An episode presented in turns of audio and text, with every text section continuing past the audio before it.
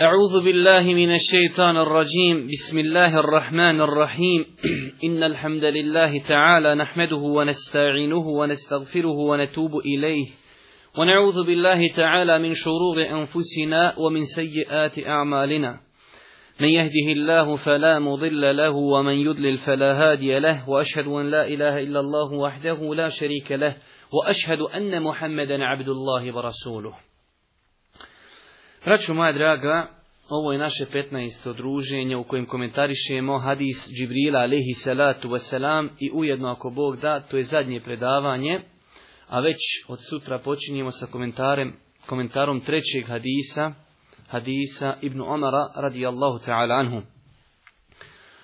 Ovaj hadis, kao što znate, mi smo u njemu komentarisali imanske šarte, Allahu poslanik alaihi salatu wasalam kada je bio upitan od strane Džibrila šta je to islam, spomenuo je islamske šarte kao odgovor na sve to. Nakon toga ga je upitao šta je to iman, pa je spomenuo da vjeruješ u Allaha, njegove meleke, knjige, poslanike, sudnji dan i odredbu dobra i zla. Mi smo se na komentaru imanskih šarta zadržali 15 predavanja, što se tiče ostatka ovog hadisa, mi ćemo to onaj preskočiti, smatrajući ako Bog da, da je veća korist da pokušamo još koji hadis obraditi dok nije ova Mubarek zima završila.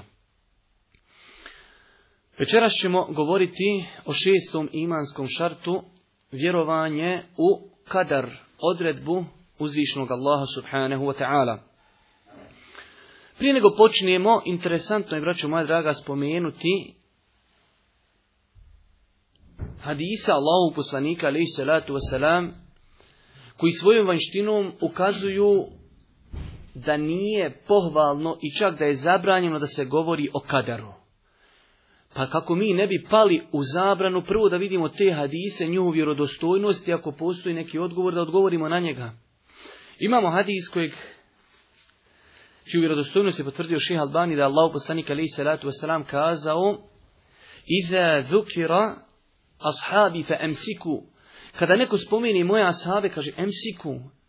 Znači šutite, nemojte pričati. O ide zukira nuđumu fe emsiku. Kada se spomenu zvijezde, opet šutite. O ide zukira al fe emsiku. I kad se kader spomeni, opet šutite. Ovaj hadis šeha Albani rahmetullahi alihi je vjerodostojnim. U drugom hadisu, također kojeg je zabilježio imam Tirmizi, a kojeg je šeha Albani ocijenio dobrim Hasan, stoji da Allah poslanik alaihi salatu wasalam jedne prilike izašao iz kuće i zatekao je ashabe kako se raspravljaju ili bolje rečeno svađaju se oko kadera. Pa je se Allah poslanik toliko naljutio da je njegovo lice pocrvenilo, kaže prenosioc hadisa Ebu Hureyre, kao da se na njegovom licu kaže raspolovio narž onaj veliki šipak, nar, toliko je, kaže, bilo crveno njegovo lice. Pa kaže Allah poslanik alaihi salatu wasalam, ebi hada umirtum, je li vam to naređeno? Ebi hada ursiltu ilaikum, jesam li ja zbog toga poslan vama, da se vi svađate oko kadara? Kaže Allah poslanik alaihi salatu wasalam, zaista su ljudi, narodi prije vas uništeni zato što su se raspravljali i svađali oko kadara kaže azemtu alejkom. Dva puta Allah poslanik kaže strogo vam zabranjujem, strogo vam zabranjujem da se svađate i raspravljate oko kadera. Kako, braću moja draga, shvatiti ove hadise? S druge strane, znamo da je vjerovanje u kader spomenuto kao šesti imanski šart, a nemoguće je ljudima pojasniti imanske šarte, ako nećemo o tome govoriti. Znači, treba pomiriti tu prividnu koliziju i kontradiktornost. Zna li neko na što se odnose a hadisi Allahu poslanika? Ovi koji smo spomenuli. Jer sad ja mogu od vas tražiti, hajde pričajte mi o kaderu. Neko češće, ne smijem ja pričati, Allahu poslanik je rekao šutite o kaderu. Kažu islamski učenjaci, Ovi hadisi se odnose da čovjek govori o kaderu bez znanja. Jer nemoguće je da dođe do kolizije. Imamo na jednoj strani da je tu imanski šart i za postavljanje tumačenja tog imanskog šarta odvodi ljude u balalet i zabludu. Jer mnogo je sekti u historiji islama zalutalo baš u ovom segmentu islama vjerovanju u kadar. Mi noćas nećemo govoriti o tim sektama i njihovim stavovima, ali je mnogo sekti koje su zaglavile u tom pitanju. Da li čovjek ima slobodnu volju ili nema? To je pitanje koje se vezuje za ovu tematiku. Da li u osnovi postoji kader? Sjećate se naših prvog predavanja kada smo citirali hadis Omera o Džibrilu i citirali smo predaju Zašto je Ibnu Omer citirao ovaj hadis? Kada su mu ljudi iz Basri došli i kazali kod nas ljudi imaju koji negiraju kader. Pa im on citirao čitav hadis Žibrila, dok nije došao da kaže i da vjeruješ u kader dobar i zao, znači Allahovu odredbu. Bilo je ljudi koji su negirali kader. Znači ne može biti kolizija, o tome se mora mhm. govoriti. Ali hadis Allahog poslanika se odnosi na to da ljudi pričaju o kaderu bez znanja. Ili drugi odgovor, da čovjek po, razgovara o kaderu na osnovu racionalnih pogleda i dokaza. Braćo moja draga, i ovo poglavlje kao i ova prija poglavlja, sudnji dan, proživljenje, meleki, to su stvari gajba i ne mogu se saznati Nikako osim putem objavi. I to je veliko pravilo. Kad ti čovjek kaže pričati nešto o gajbu, pričati o sudnjem, da kaže imaš li hadis, imaš li kuranski ajet, kaže nemam. Završena priča, nema razgovora. I na taj način ćemo spriječiti ulazak bajki i izmišljenih stvari u našu vjeru. I treći Odgovor na ovaj hadis odnosi se da Allah poslanik znači zabranio govor o kaderu na način kako to ne doliči kaderu. Da ljudi govori da postavljaju pitanja koja ne doliči. Pa čovjek kaže, vidi tamo nekoga Allah uputio, a nekoga nije. Pa kaže, zašto je ovaj na istini, a zašto ovaj nije? Kao suprostavljajući se kaderu i određenju. I na taj način su islamski učenjaci usmjerili ova dva vjerodostojna hadisa. Znači, treba da znamo da ova tematika kadera, tu je jedan imanski šart i zasigurno je bitno govoriti o tome. Također, spomenut je u hadisu Džibrila, a hadi Džibril, na kraju alihi salatu wasalam, kada je otišao, Allah poslanik kaže, došao vam je Džibril da bi vas podučio u vašoj vjeri. Znači, sav onaj hadis, to je naša vjera. I vjerovanje u odredbu ili kader je naša vjera. Također, to je bila poznata stvar da su ashabi pitali poslanika o kaderu i da je to bilo zabranjeno, oni ne bi pitali. Imate hadise vjerodostojni gdje ashabi pitaju poslanika o kaderu. Nakon njih, znači ulema prvih generacija je pisala u svojim knjigama o kaderu. Sve nam to potvrđuje činjenicu da je dozvoljeno, ako Bog da, pričati o kaderu onako kako nas je podučio Allah poslanik alaihi salatu wasalam na osnovu kuranskih ajeta i vjerodostojnih hadisa. Mnogo je kuranskih ajeta i hadisa Allahog poslanika koji nam potvrđuju obaveznost vjerovanja u kader. Mi ćemo spomenuti samo neke zbog skučenosti s vremenom. Kaže uzvišeni Allah u suri Al-Qanar, inna kulle še'in halaknahu bi Kaže, mi doista sve s određenjem stvaramo. Sve s, određen, sve s kaderom. Inna kulle še'in halaknahu bi qadar. Pogledajte u riječ. Mi sve s određenjem stvaramo. Sve je određeno. Također imate ajet u suri Furqan gdje kaže uzvišeni Allah Uzvišeni Allah, on je taj kom je pripada vlast na nebesima i na zemlji, koji nema djeteta, koji u vlasti nema ortaka i koji je sve stvorio i kako treba uredio. Sve stvorio, uredio, ovdje riječ je također kadrahu takdira, znači odredio je to kaderom sve. Mnogo je drugih kuranskih ajeta koji sam ja ovdje pripremio kao dokaz toga da čovjek je obavezan da vjeruje u kader. Spomenut ćemo neke hadise, znači jedan od tih hadisa je poznat hadis Džibrila, alihi salatu wasalam. Imamo hadis također čiju vjerodostojnosti je potvrdio ših Albani, rahmetullahi alihi od Džabira, kaže Džabir, alihi, eh, Džabir radijallahu ta'alanu, Allahu je kazao, čovjek neće vjerovati sve dok ne bude vjerovao u kader. Odredbu dobra i zla. I sve dok ne bude znao, sve što ga je zaobišlo nije ga moglo pogoditi, a sve što ga je pogodilo nije ga moglo zaobići. To su riječi Allahu poslanika ali salatu wasalam. U hadisku koji je zabilježio imam vi sa vjerodostojnim lancem prenosilaca od Ali Allahu talanu stoji da je Allah kazao čovjek neće vjerovati dok ne bude ispunio četiri stvari. Da svjedoči da nema drugog Boga osim Allaha i da je Muhammed alihi salatu wasalam Boži rob i Boži poslanik. Da vjeruje u smrt, da vjeruje u proživljenje nakon smrti i da vjeruje u kader. Kaže Abdullah ibn Omer u hadisu kojeg zabilježi ima muslim, rekao je Allahu poslanik alihi salatu wasalam, kullu še'in bi kadar. Sve je sve je određeno, sve se dešava po kaderu.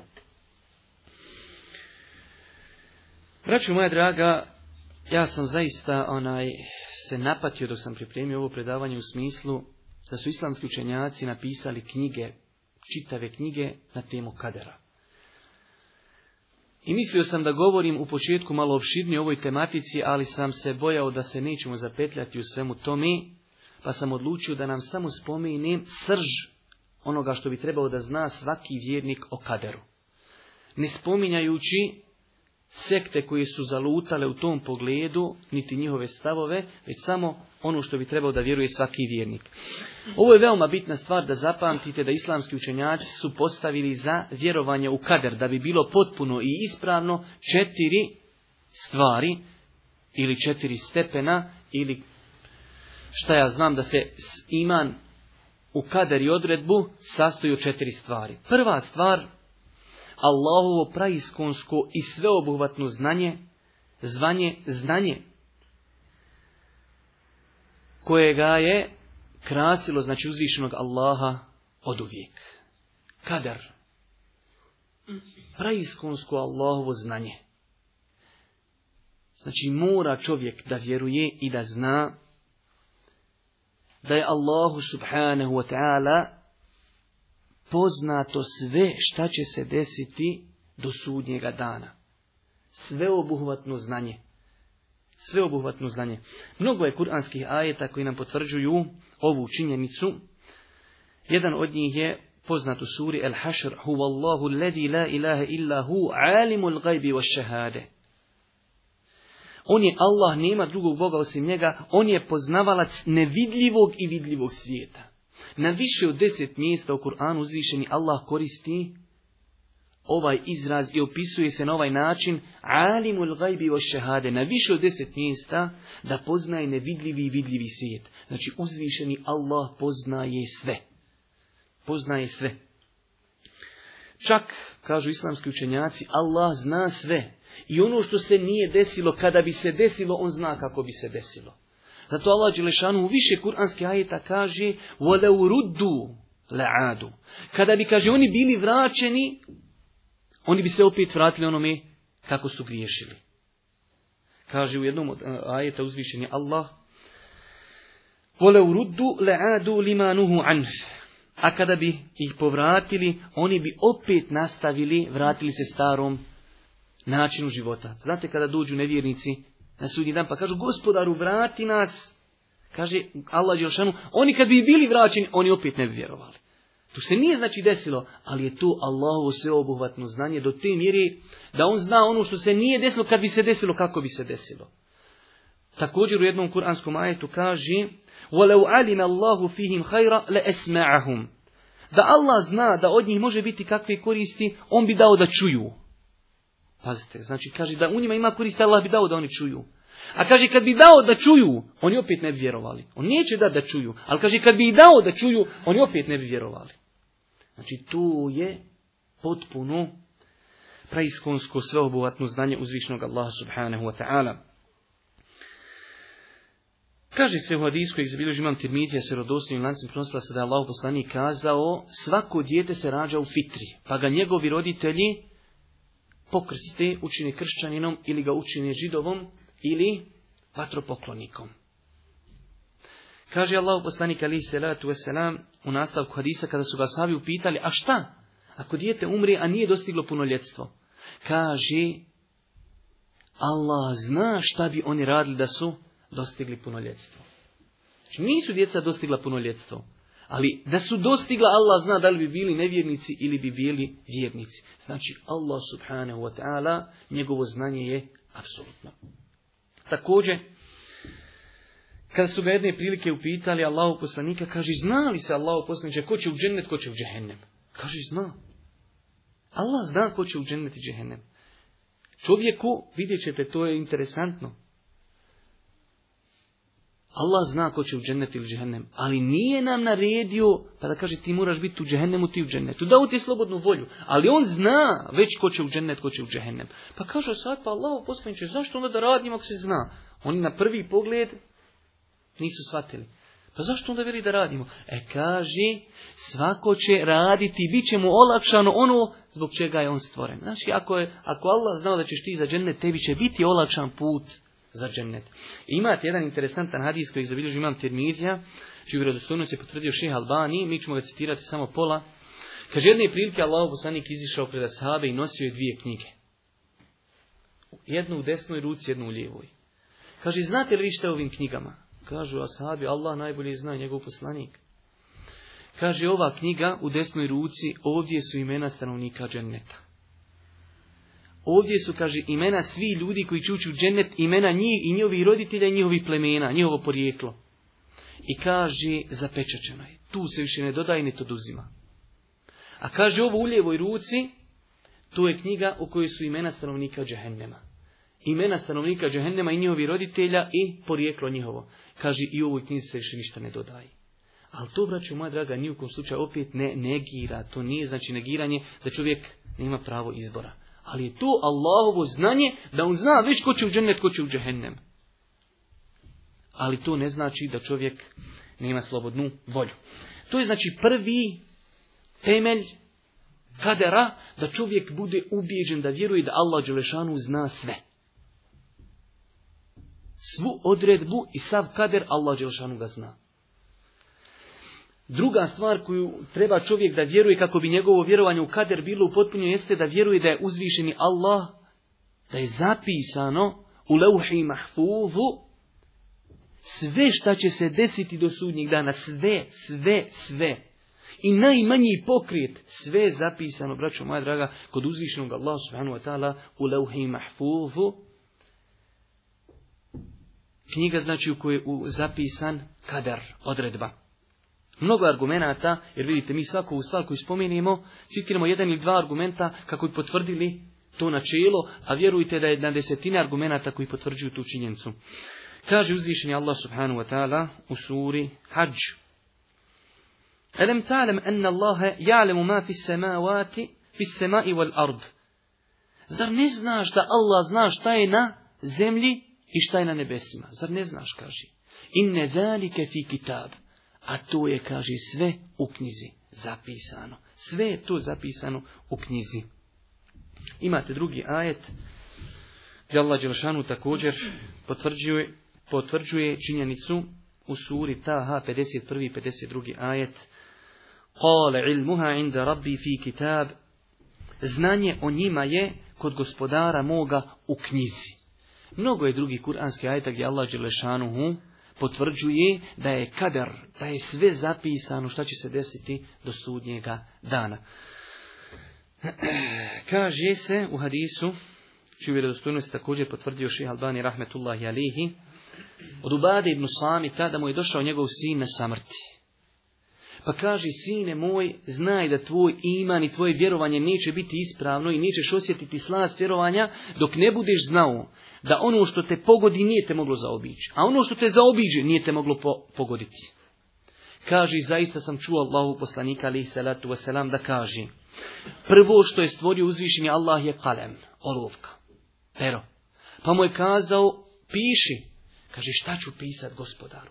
Piši, kaži, sve što će se desiti do sudnjega dana. Piši sve što će se desiti do sudnjega dana. I sve je zapisano.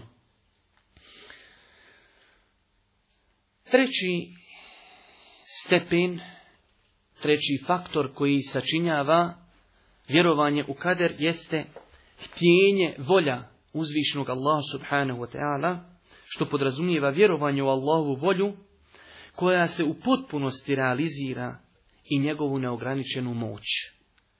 Njegova volja koja se sto posto realizira u potpunosti. Znači čovjek treba da vjeruje da se dešava, sve što se dešava, dešava se onako kako Allah Đelešanu hoće.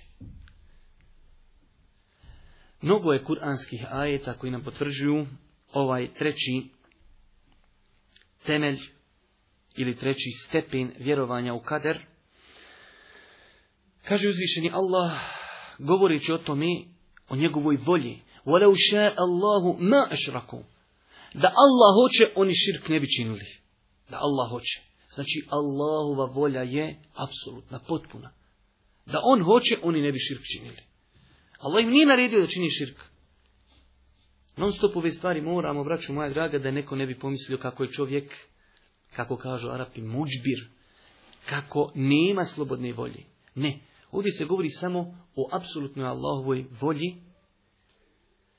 vole uša Allahu, uša Allahu, ma ašraku. Da Allah hoće i da je njegova volja, oni širk ne bi činili. ولو شاء ربك لآمن Da hoće tvoj gospodar, svi ljudi na zemlji bi vjerovali. Da hoće. Njegova volja je, znači, onaj u potpunosti, u se realizira. Zato kaže Allah poslanik alaihi salatu wasalam u hadisu muslima, srca ljudi, srca potomaka Ademovih su između dva prsta uzvišenog Allaha. Okreće kako hoće okreće ih, pogledajte, kako hoće. Kejfe je ova ovdje riječ ili glagol šae, htjeti, htjeti. Kejfe je kako hoće. Znači, njegovoj htjenje, kako god da hoće da okrene srca potomaka Ademovi. Također kaže Allah poslanik u vjerodostojnom hadisku koji Imam Buharija. Kaže, kada molite Allaha, nemoj govoriti gospodaru, oprosti mi ako hoćeš.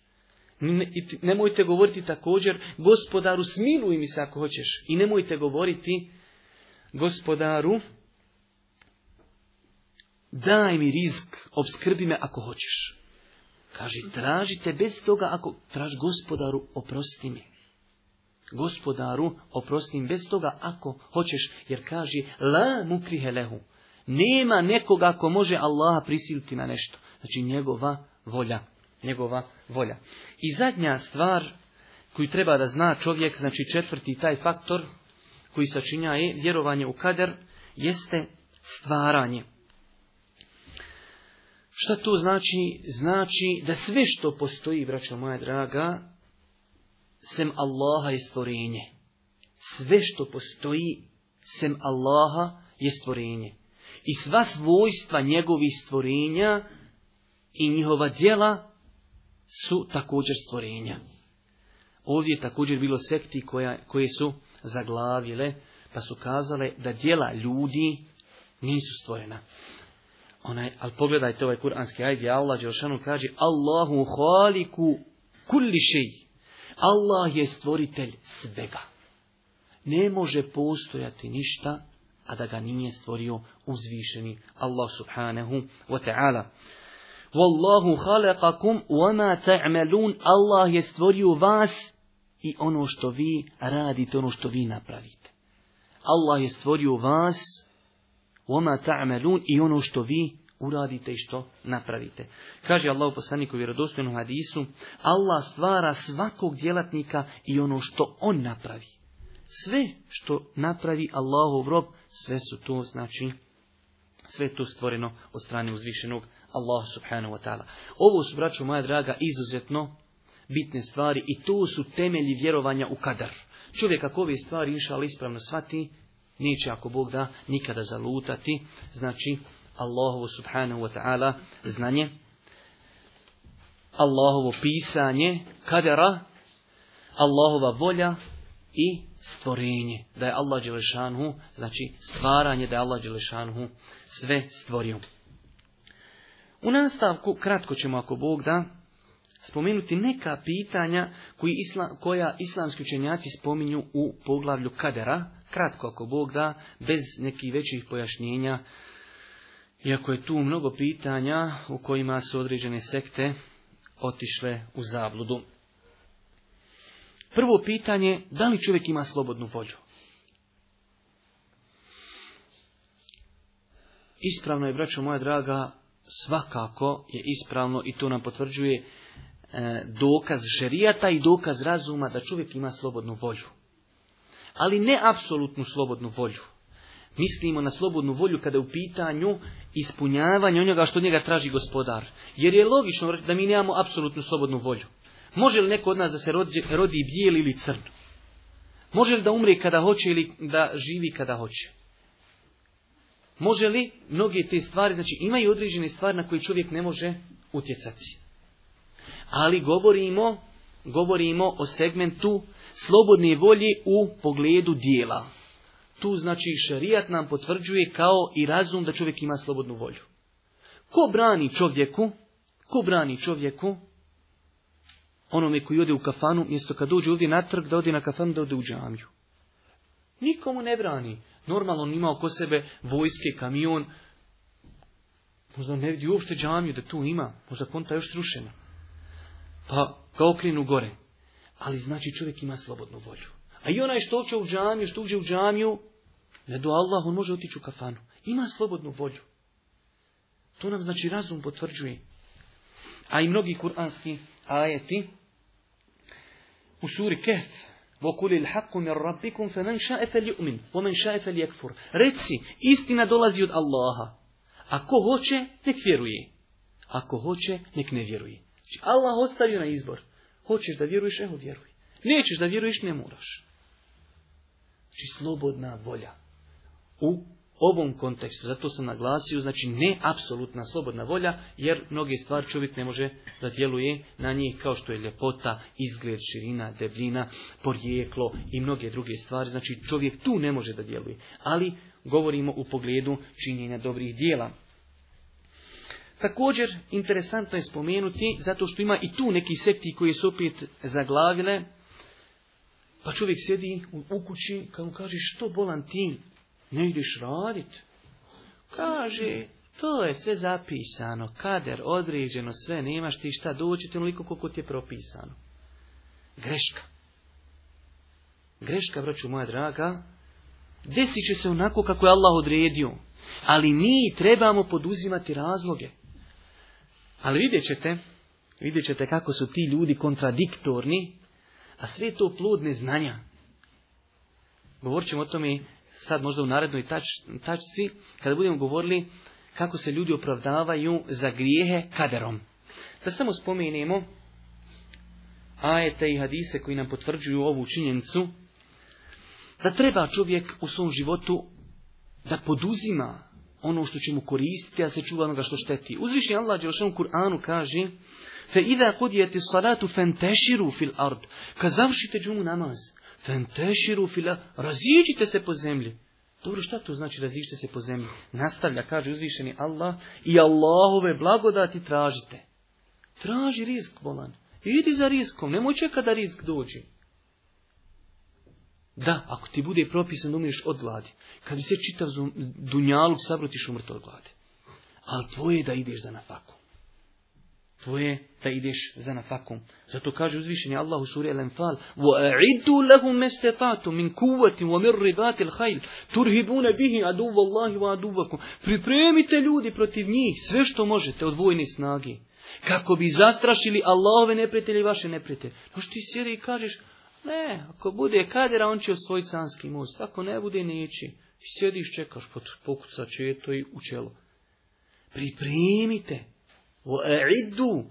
Uzmite ono što je do vas nakon toga, kad dadneš sve od sebe, to kažu učenjaci, umet, kad da sve što je od njega, kad ne bi imao ništa drugo osim štab drvenja, kaže gospoda ne mogu više ništa osim ovog štapa. Zna će doći Allahova pomoć. Ali kad uzmiš ono sve što možeš. Nakon toga, pogledajte Allahu poslanika ali salatu wasalam. Najbolji insan koji kada kroči u zemlju. Allahu miljenik kad je činio hijđru. Kad je činio hijđru, koliko je stvari poduzeo da ga ne uhvati. Pripremio jahalice. Našu čovjeka koji će biti izuzetno dobrog vodiča koji će ga voditi ka Medini. Krenuo u suprotnom pravcu. Isto sad kad hoćeš krenuti za prijedor, ili uznajdeš ti za prijedor, a ti kreneš prema ključu i gore se negdje sakriš u brda tri dana i onda zaoblaznim putem u prijedor. Zašto je krenuo u kontrapravcu? Da bi se sačuvao. A nakon toga kad je krenuo, došao Suraka ibn Malik, ide na konju. Čuje to put konjskih kopita. Ebu Bekr se okreći. Poslanik miran. Gotovo nema šta. Ja sam poduzeo sve što sam mogu. Sakriju se, našu jahalicu, našu vodiča. I sad ide suraka ibn Malik. Gotovo. Sad dolazi Allahova pomoć. I propadaju noge konja u pjesak. Znači nema. Tada dolazi Allahova pomoć. Imamo također jedno interesantno pitanje koje je lijepo poznavati kada govorimo o kadaru, a to je da li je validan dokaz da čovjek kaže da opravdava svoje nevjerovanje i svoje griješenje kadarom. Ti dođeš čovjeku i kažeš bolan što piješ, što ne klanjaš? A kaže pustite me bolan, to je meni određeno otprija ja da ne klanjam, to je propisano i završena stvar. Evo da vidimo, mi, mi to svi nekako osjetimo, to nije dobar dokaz. Ali kako bi čovjek takvoj osobi odgovorio? Tuži čovjek kaže, ti vjernik, ti kažeš, ja sam, pa vjeruješ ti da se piše tamo u Levhi Mahfuzu, zna on Levhi Mahfuz da se zove. Kaže ti, pa vjerujem. On kaže, pa zapis, meni je određeno čovječe da sam ja ne Ko bi znao tog čovjeka nakon kulturno izvaliti iz kažeš mu, dragi moj muslimanu, ako se može reći da si musliman, kad će to ti čitao taj levhi mahfuz, pa ti znaš da je tam napisano ti ne klanjaš? Jednostavno. Ma ga izbiješ iz cipela. Kaže, pa može li se to ikako da i mi pročitamo, šta je nama propisano? Ako on kaže, meni je propisano, pa dobro, otkud ti to znaš tako? Daj nam dokaz da si to neđe pročitao. To je onako, onaj kak se zove, iz prve. Znači, najjači odgovor, braću moja draga, da čovjek ima slobodnu volju. Najjači odgovor, čovjek ima slobodnu volju. To što ne klanjaš, isto tako si mogu ići klanjati. To što piješ, isto tako, kad si tamo rekao daj mi dupli viski, mogu se reći daj mi bezalkoholnu pivu i popiješ i nisi grije zaradio. Ako popiješ još sok, onda ni po kome nisi napravio grije. Onaj, E vidite te ljudi, zato sam rekao kontradiktornost njihova. Kako su oni kontradiktorni? Na Dunjaluku oni po tom sistemu ne žive. Samo po, na ahiretskim stvarima oni tako vagaju. Kada je u pitanju ahiret, oni tako vagaju. Kaderom se izlači, a na Dunjaluku ništa. Kad čovjek kaže kader, izlači se, isto ako smiješ, zizniš mu šamar. Kaže on, pa što mi zvizni bolan šamar? Pa kaže, bilo propisano, ja nisam to mogu zaobići, bio kader da ja tebi šamar zviznim. Pa onda još jednom, pa šta je to? Pa kader Allahov robe, isto što ti ne ideš u džamiju, ja tebi sve po kaderu gruham. Nemoj, nemoj da mi šta rekao, po kaderu, pa onda zvizniš i unos. Šta je to? Opet po kaderu, nemoj me dirat, kader. Tako Omeru, kad su doveli lopova, kaže Omer, odrezat ruku. On sve neke džokere iz... Kaže Omire, čekaj, ne može. Šta je? Kaže, pa ja sam tu po kaderu. Kaže Omer, pa i mi ti sjećamo ruku po kaderu, Boži robe. Allah, Allah je znao da će ti ukrast, ali Allah je znao da ćemo mi tebi odrezati ruku. Od tega. Nema znači, to su tako providni. Ili drugi primjer, kako oni na Dunjaluku se ne pravdaju kaderom. Kaže čovjek hoće nahađ primjera radi, a nekad idu negdje, negdje i gdje nije ništa. Imaš put, možeš ići preko Iraka, a imaš put preko Turski. Kažeš ti njemu, kuda bi ti nahađ preko Iraka, a tamo, znaš kako je sad, ko na divljem zapadu. Možeš ostati bez glavi svakog momenta. A možeš preko Turske, fino, i u hotel, i obiđeš džamije, kuda bi ti? O, preko Turske, vola. Pa vola preko Iraka, ne može, kader što bude, nema, ne možeš ti pobići od Ne, ne, ne, kažeš preko Turski. Znači, kad je na Dunjaluku, on sve cake koristi sam da ostane živ. A kad je zahiret, pa čekaj, zahiret, čuvaj se zahiret, klanjaj. Ne, ne, ne, kaže, nemoj ti meni, pa idi preko Iraka, bolam, pa ćemo mi reći, ako ti tam pogineš bio ti kader. Ne, ne, neka jaš preko Turski. Tu je znači dokaz, i Allah lešanu u Kur'anu, onaj, negira validnost tih dokaza, pa kaže u suri El-En'am 148. ajet, mnogobošci će govoriti da je Allah htio, mi ne bismo druge njemu ravnim smatrali. Kaže da je Allah htio, mi ne bismo njemu druge smatrali ravnim. Pa Allah Đelešanhu kaže, tako isto oni prije njih su poricali, sve dok našu kaznu nisu iskusili. Allah negira, kaže. Isto oni, kaže, govori oni koji, kao i prije njih. Ali to će govoriti sve dok našu kaznu ne iskusi. Znači, to Allah je potvrdio da to nije validan dokaz. E ima ovdje jedan interesantan hadis, normalno vjerodostojan hadis, inšala mnogi su od njega i čuli za njega, rasprava Musa alaihi salatu wasalama i Adema, koju neki u arapskom svijetu znaju zloupotrebljavati, u našem narodu tu slabo ljudi iznaju taj hadis, kao da ga zloupotrebljavaju. Kaže, jedne prilike su se raspravljali Adem alaihi salatu wasalam i Musa. Kaže Musa alaih salatu wasalam, znači iskrać, ima tu znači razno raznih predaja, šta je ko kom je rekao, ali pojem taj hadisa, kaže Musa alaih salatu wasalam, Ademu, Ademe ti si prvi čovjek koji ga Allah stvorio, stvorio te svojom rukom. Ali kaže bolan, zbog tebe smo mi izišli iz dženneta. Zbog tebe mi izišli smo iz dženneta. Kaže Adem alaihi salatu wasalam, pa kaže bolan, zar me koriš za ono što je Allah propisao prije što ću ja doći na svijet. Kaže Allah poslanik, pa je Adem kao on nagovorio i pobjedio Musa. Sa ovim odgovorom ga je nagovorio. E sad neki ljudi shvataju da je to dokazivanje kaderom. Ovaj ga pita, bolan zbog tebe, mi iziđe smo iz dženneta. A ovaj kaže, pa zar me, kaže, kritikuješ zbog toga što je već bilo određeno.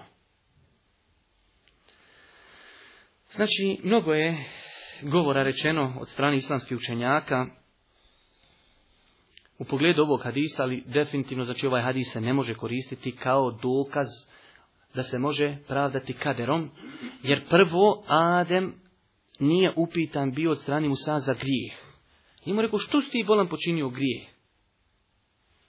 već kaže mi smo zbog tebe izvišli iz dženneta. Druga stvar, Ulema kaže na osnovu ovog hadisa da je čovjeku dozvoljeno kada ga zadesi musibet, a ne kada učini grijeh da se pravda kaderom. Ne pravda, ali da nalazi u tome onaj kao neko opravdanje. Čovjek se preseli mu neko. Pa ga neko o tome upita ili napravi čovjek nešto nenamjerno. Ne do Allah ubije nekog nenamjerno. Kažu, kako to? Kažu, pa kader. Ne želi onda da kaže da tu, On samo kaže, tu je bilo određeno. Kao utjeh u tome neku nalazi. Ili ima, znači ima tu nekih primjera kako su to islamski učenjaci malo onaj bolje pojasnili, evo meni nikako onaj da mi naduđe taj neki fin primjer kako čovjek može pojasniti, ali definitivno znači učenjaci kažu da čovjek ne može ovaj hadis koristiti kao dokaz činjenja grijeha. Jedan od istora ovaj stvari koju spominju vezano za ovaj hadis, kad je čovjeku dozvoljeno da spomeni kader, jeste ako se pokaje od grijeha. Čovjek učini grijeh i pokaje se, kao što je si Adem kao što nam govori Allah Đeršan na više mjesta u Koran, pa odmah Allah Đeršan primio njegovu teubu. Ne može čovjek nekoga koriti za grije, koji prije počinio, a pokaju se zbog njega. Zato čovjek, na primjer, ne do Allah nekada čini u grijehe, pa se pokaje istinski. I dođe mu neko i kaže, pa što si ti bolan to radio? Šta on sad više može reći? Nema više on druge pa to je bio kadar, to je bilo tako određeno da ja to uradim, ali hvala Bog, pokajao sam se. Ali on time ne opravdava svoj grijeh, samo kaže tako je to bilo, bio kader i završena stvar. Ima, vraću moja draga, mnogo toga što se vezuje za ovu tematiku kadera, bojim se da ih hladno. Uglavnom, evo spomenut ćemo na kraju nekoliko grešaka isto vezani za kadar. Kratko, iako imate, na primjer, izuzetno interesantnu tematiku, plodovi koji ostavlja ispravno ono vjerovanje u kader na čovjeka. Znači, o tom je Ulema piše čak i knjige i, mnoge kasete, onaj su snimljene od velikih islamskih učenjaka na tu temu. Tragovi vjerovanja u kader na čovjekov život. I tu je interesantna tematika, ali vidite da ne može čovjek sve stići u jednom predavanju. Interesantno je spomenuti grešku ljudi, da ljudi pokušavaju saznati kader. Kader se ne može saznati sve dok se ne desi. Kad se desi, tada mi znamo. Ali neispravno je i zabranjeno da čovjek ide da pokuša i saznati kadar. I na to se mogu odnositi oni hadisi na početku također, koji smo spomenuli. A šta je saznavanje kadera da odeš kod čike nekog što piše, pa da ga pitaš onaj, ili da čitaš horoskope, pa ti kaže, tako, tako, tako i ti ne do Allah još i da povjeruješ u to.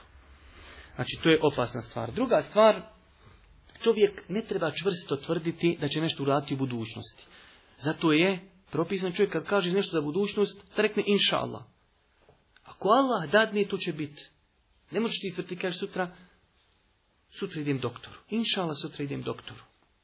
Jer ne znaš, robe Boži, prvo da ćeš biti sutra živ, a drugo, gdje tebe može do sutra odvući sudbina, samo Allah zna.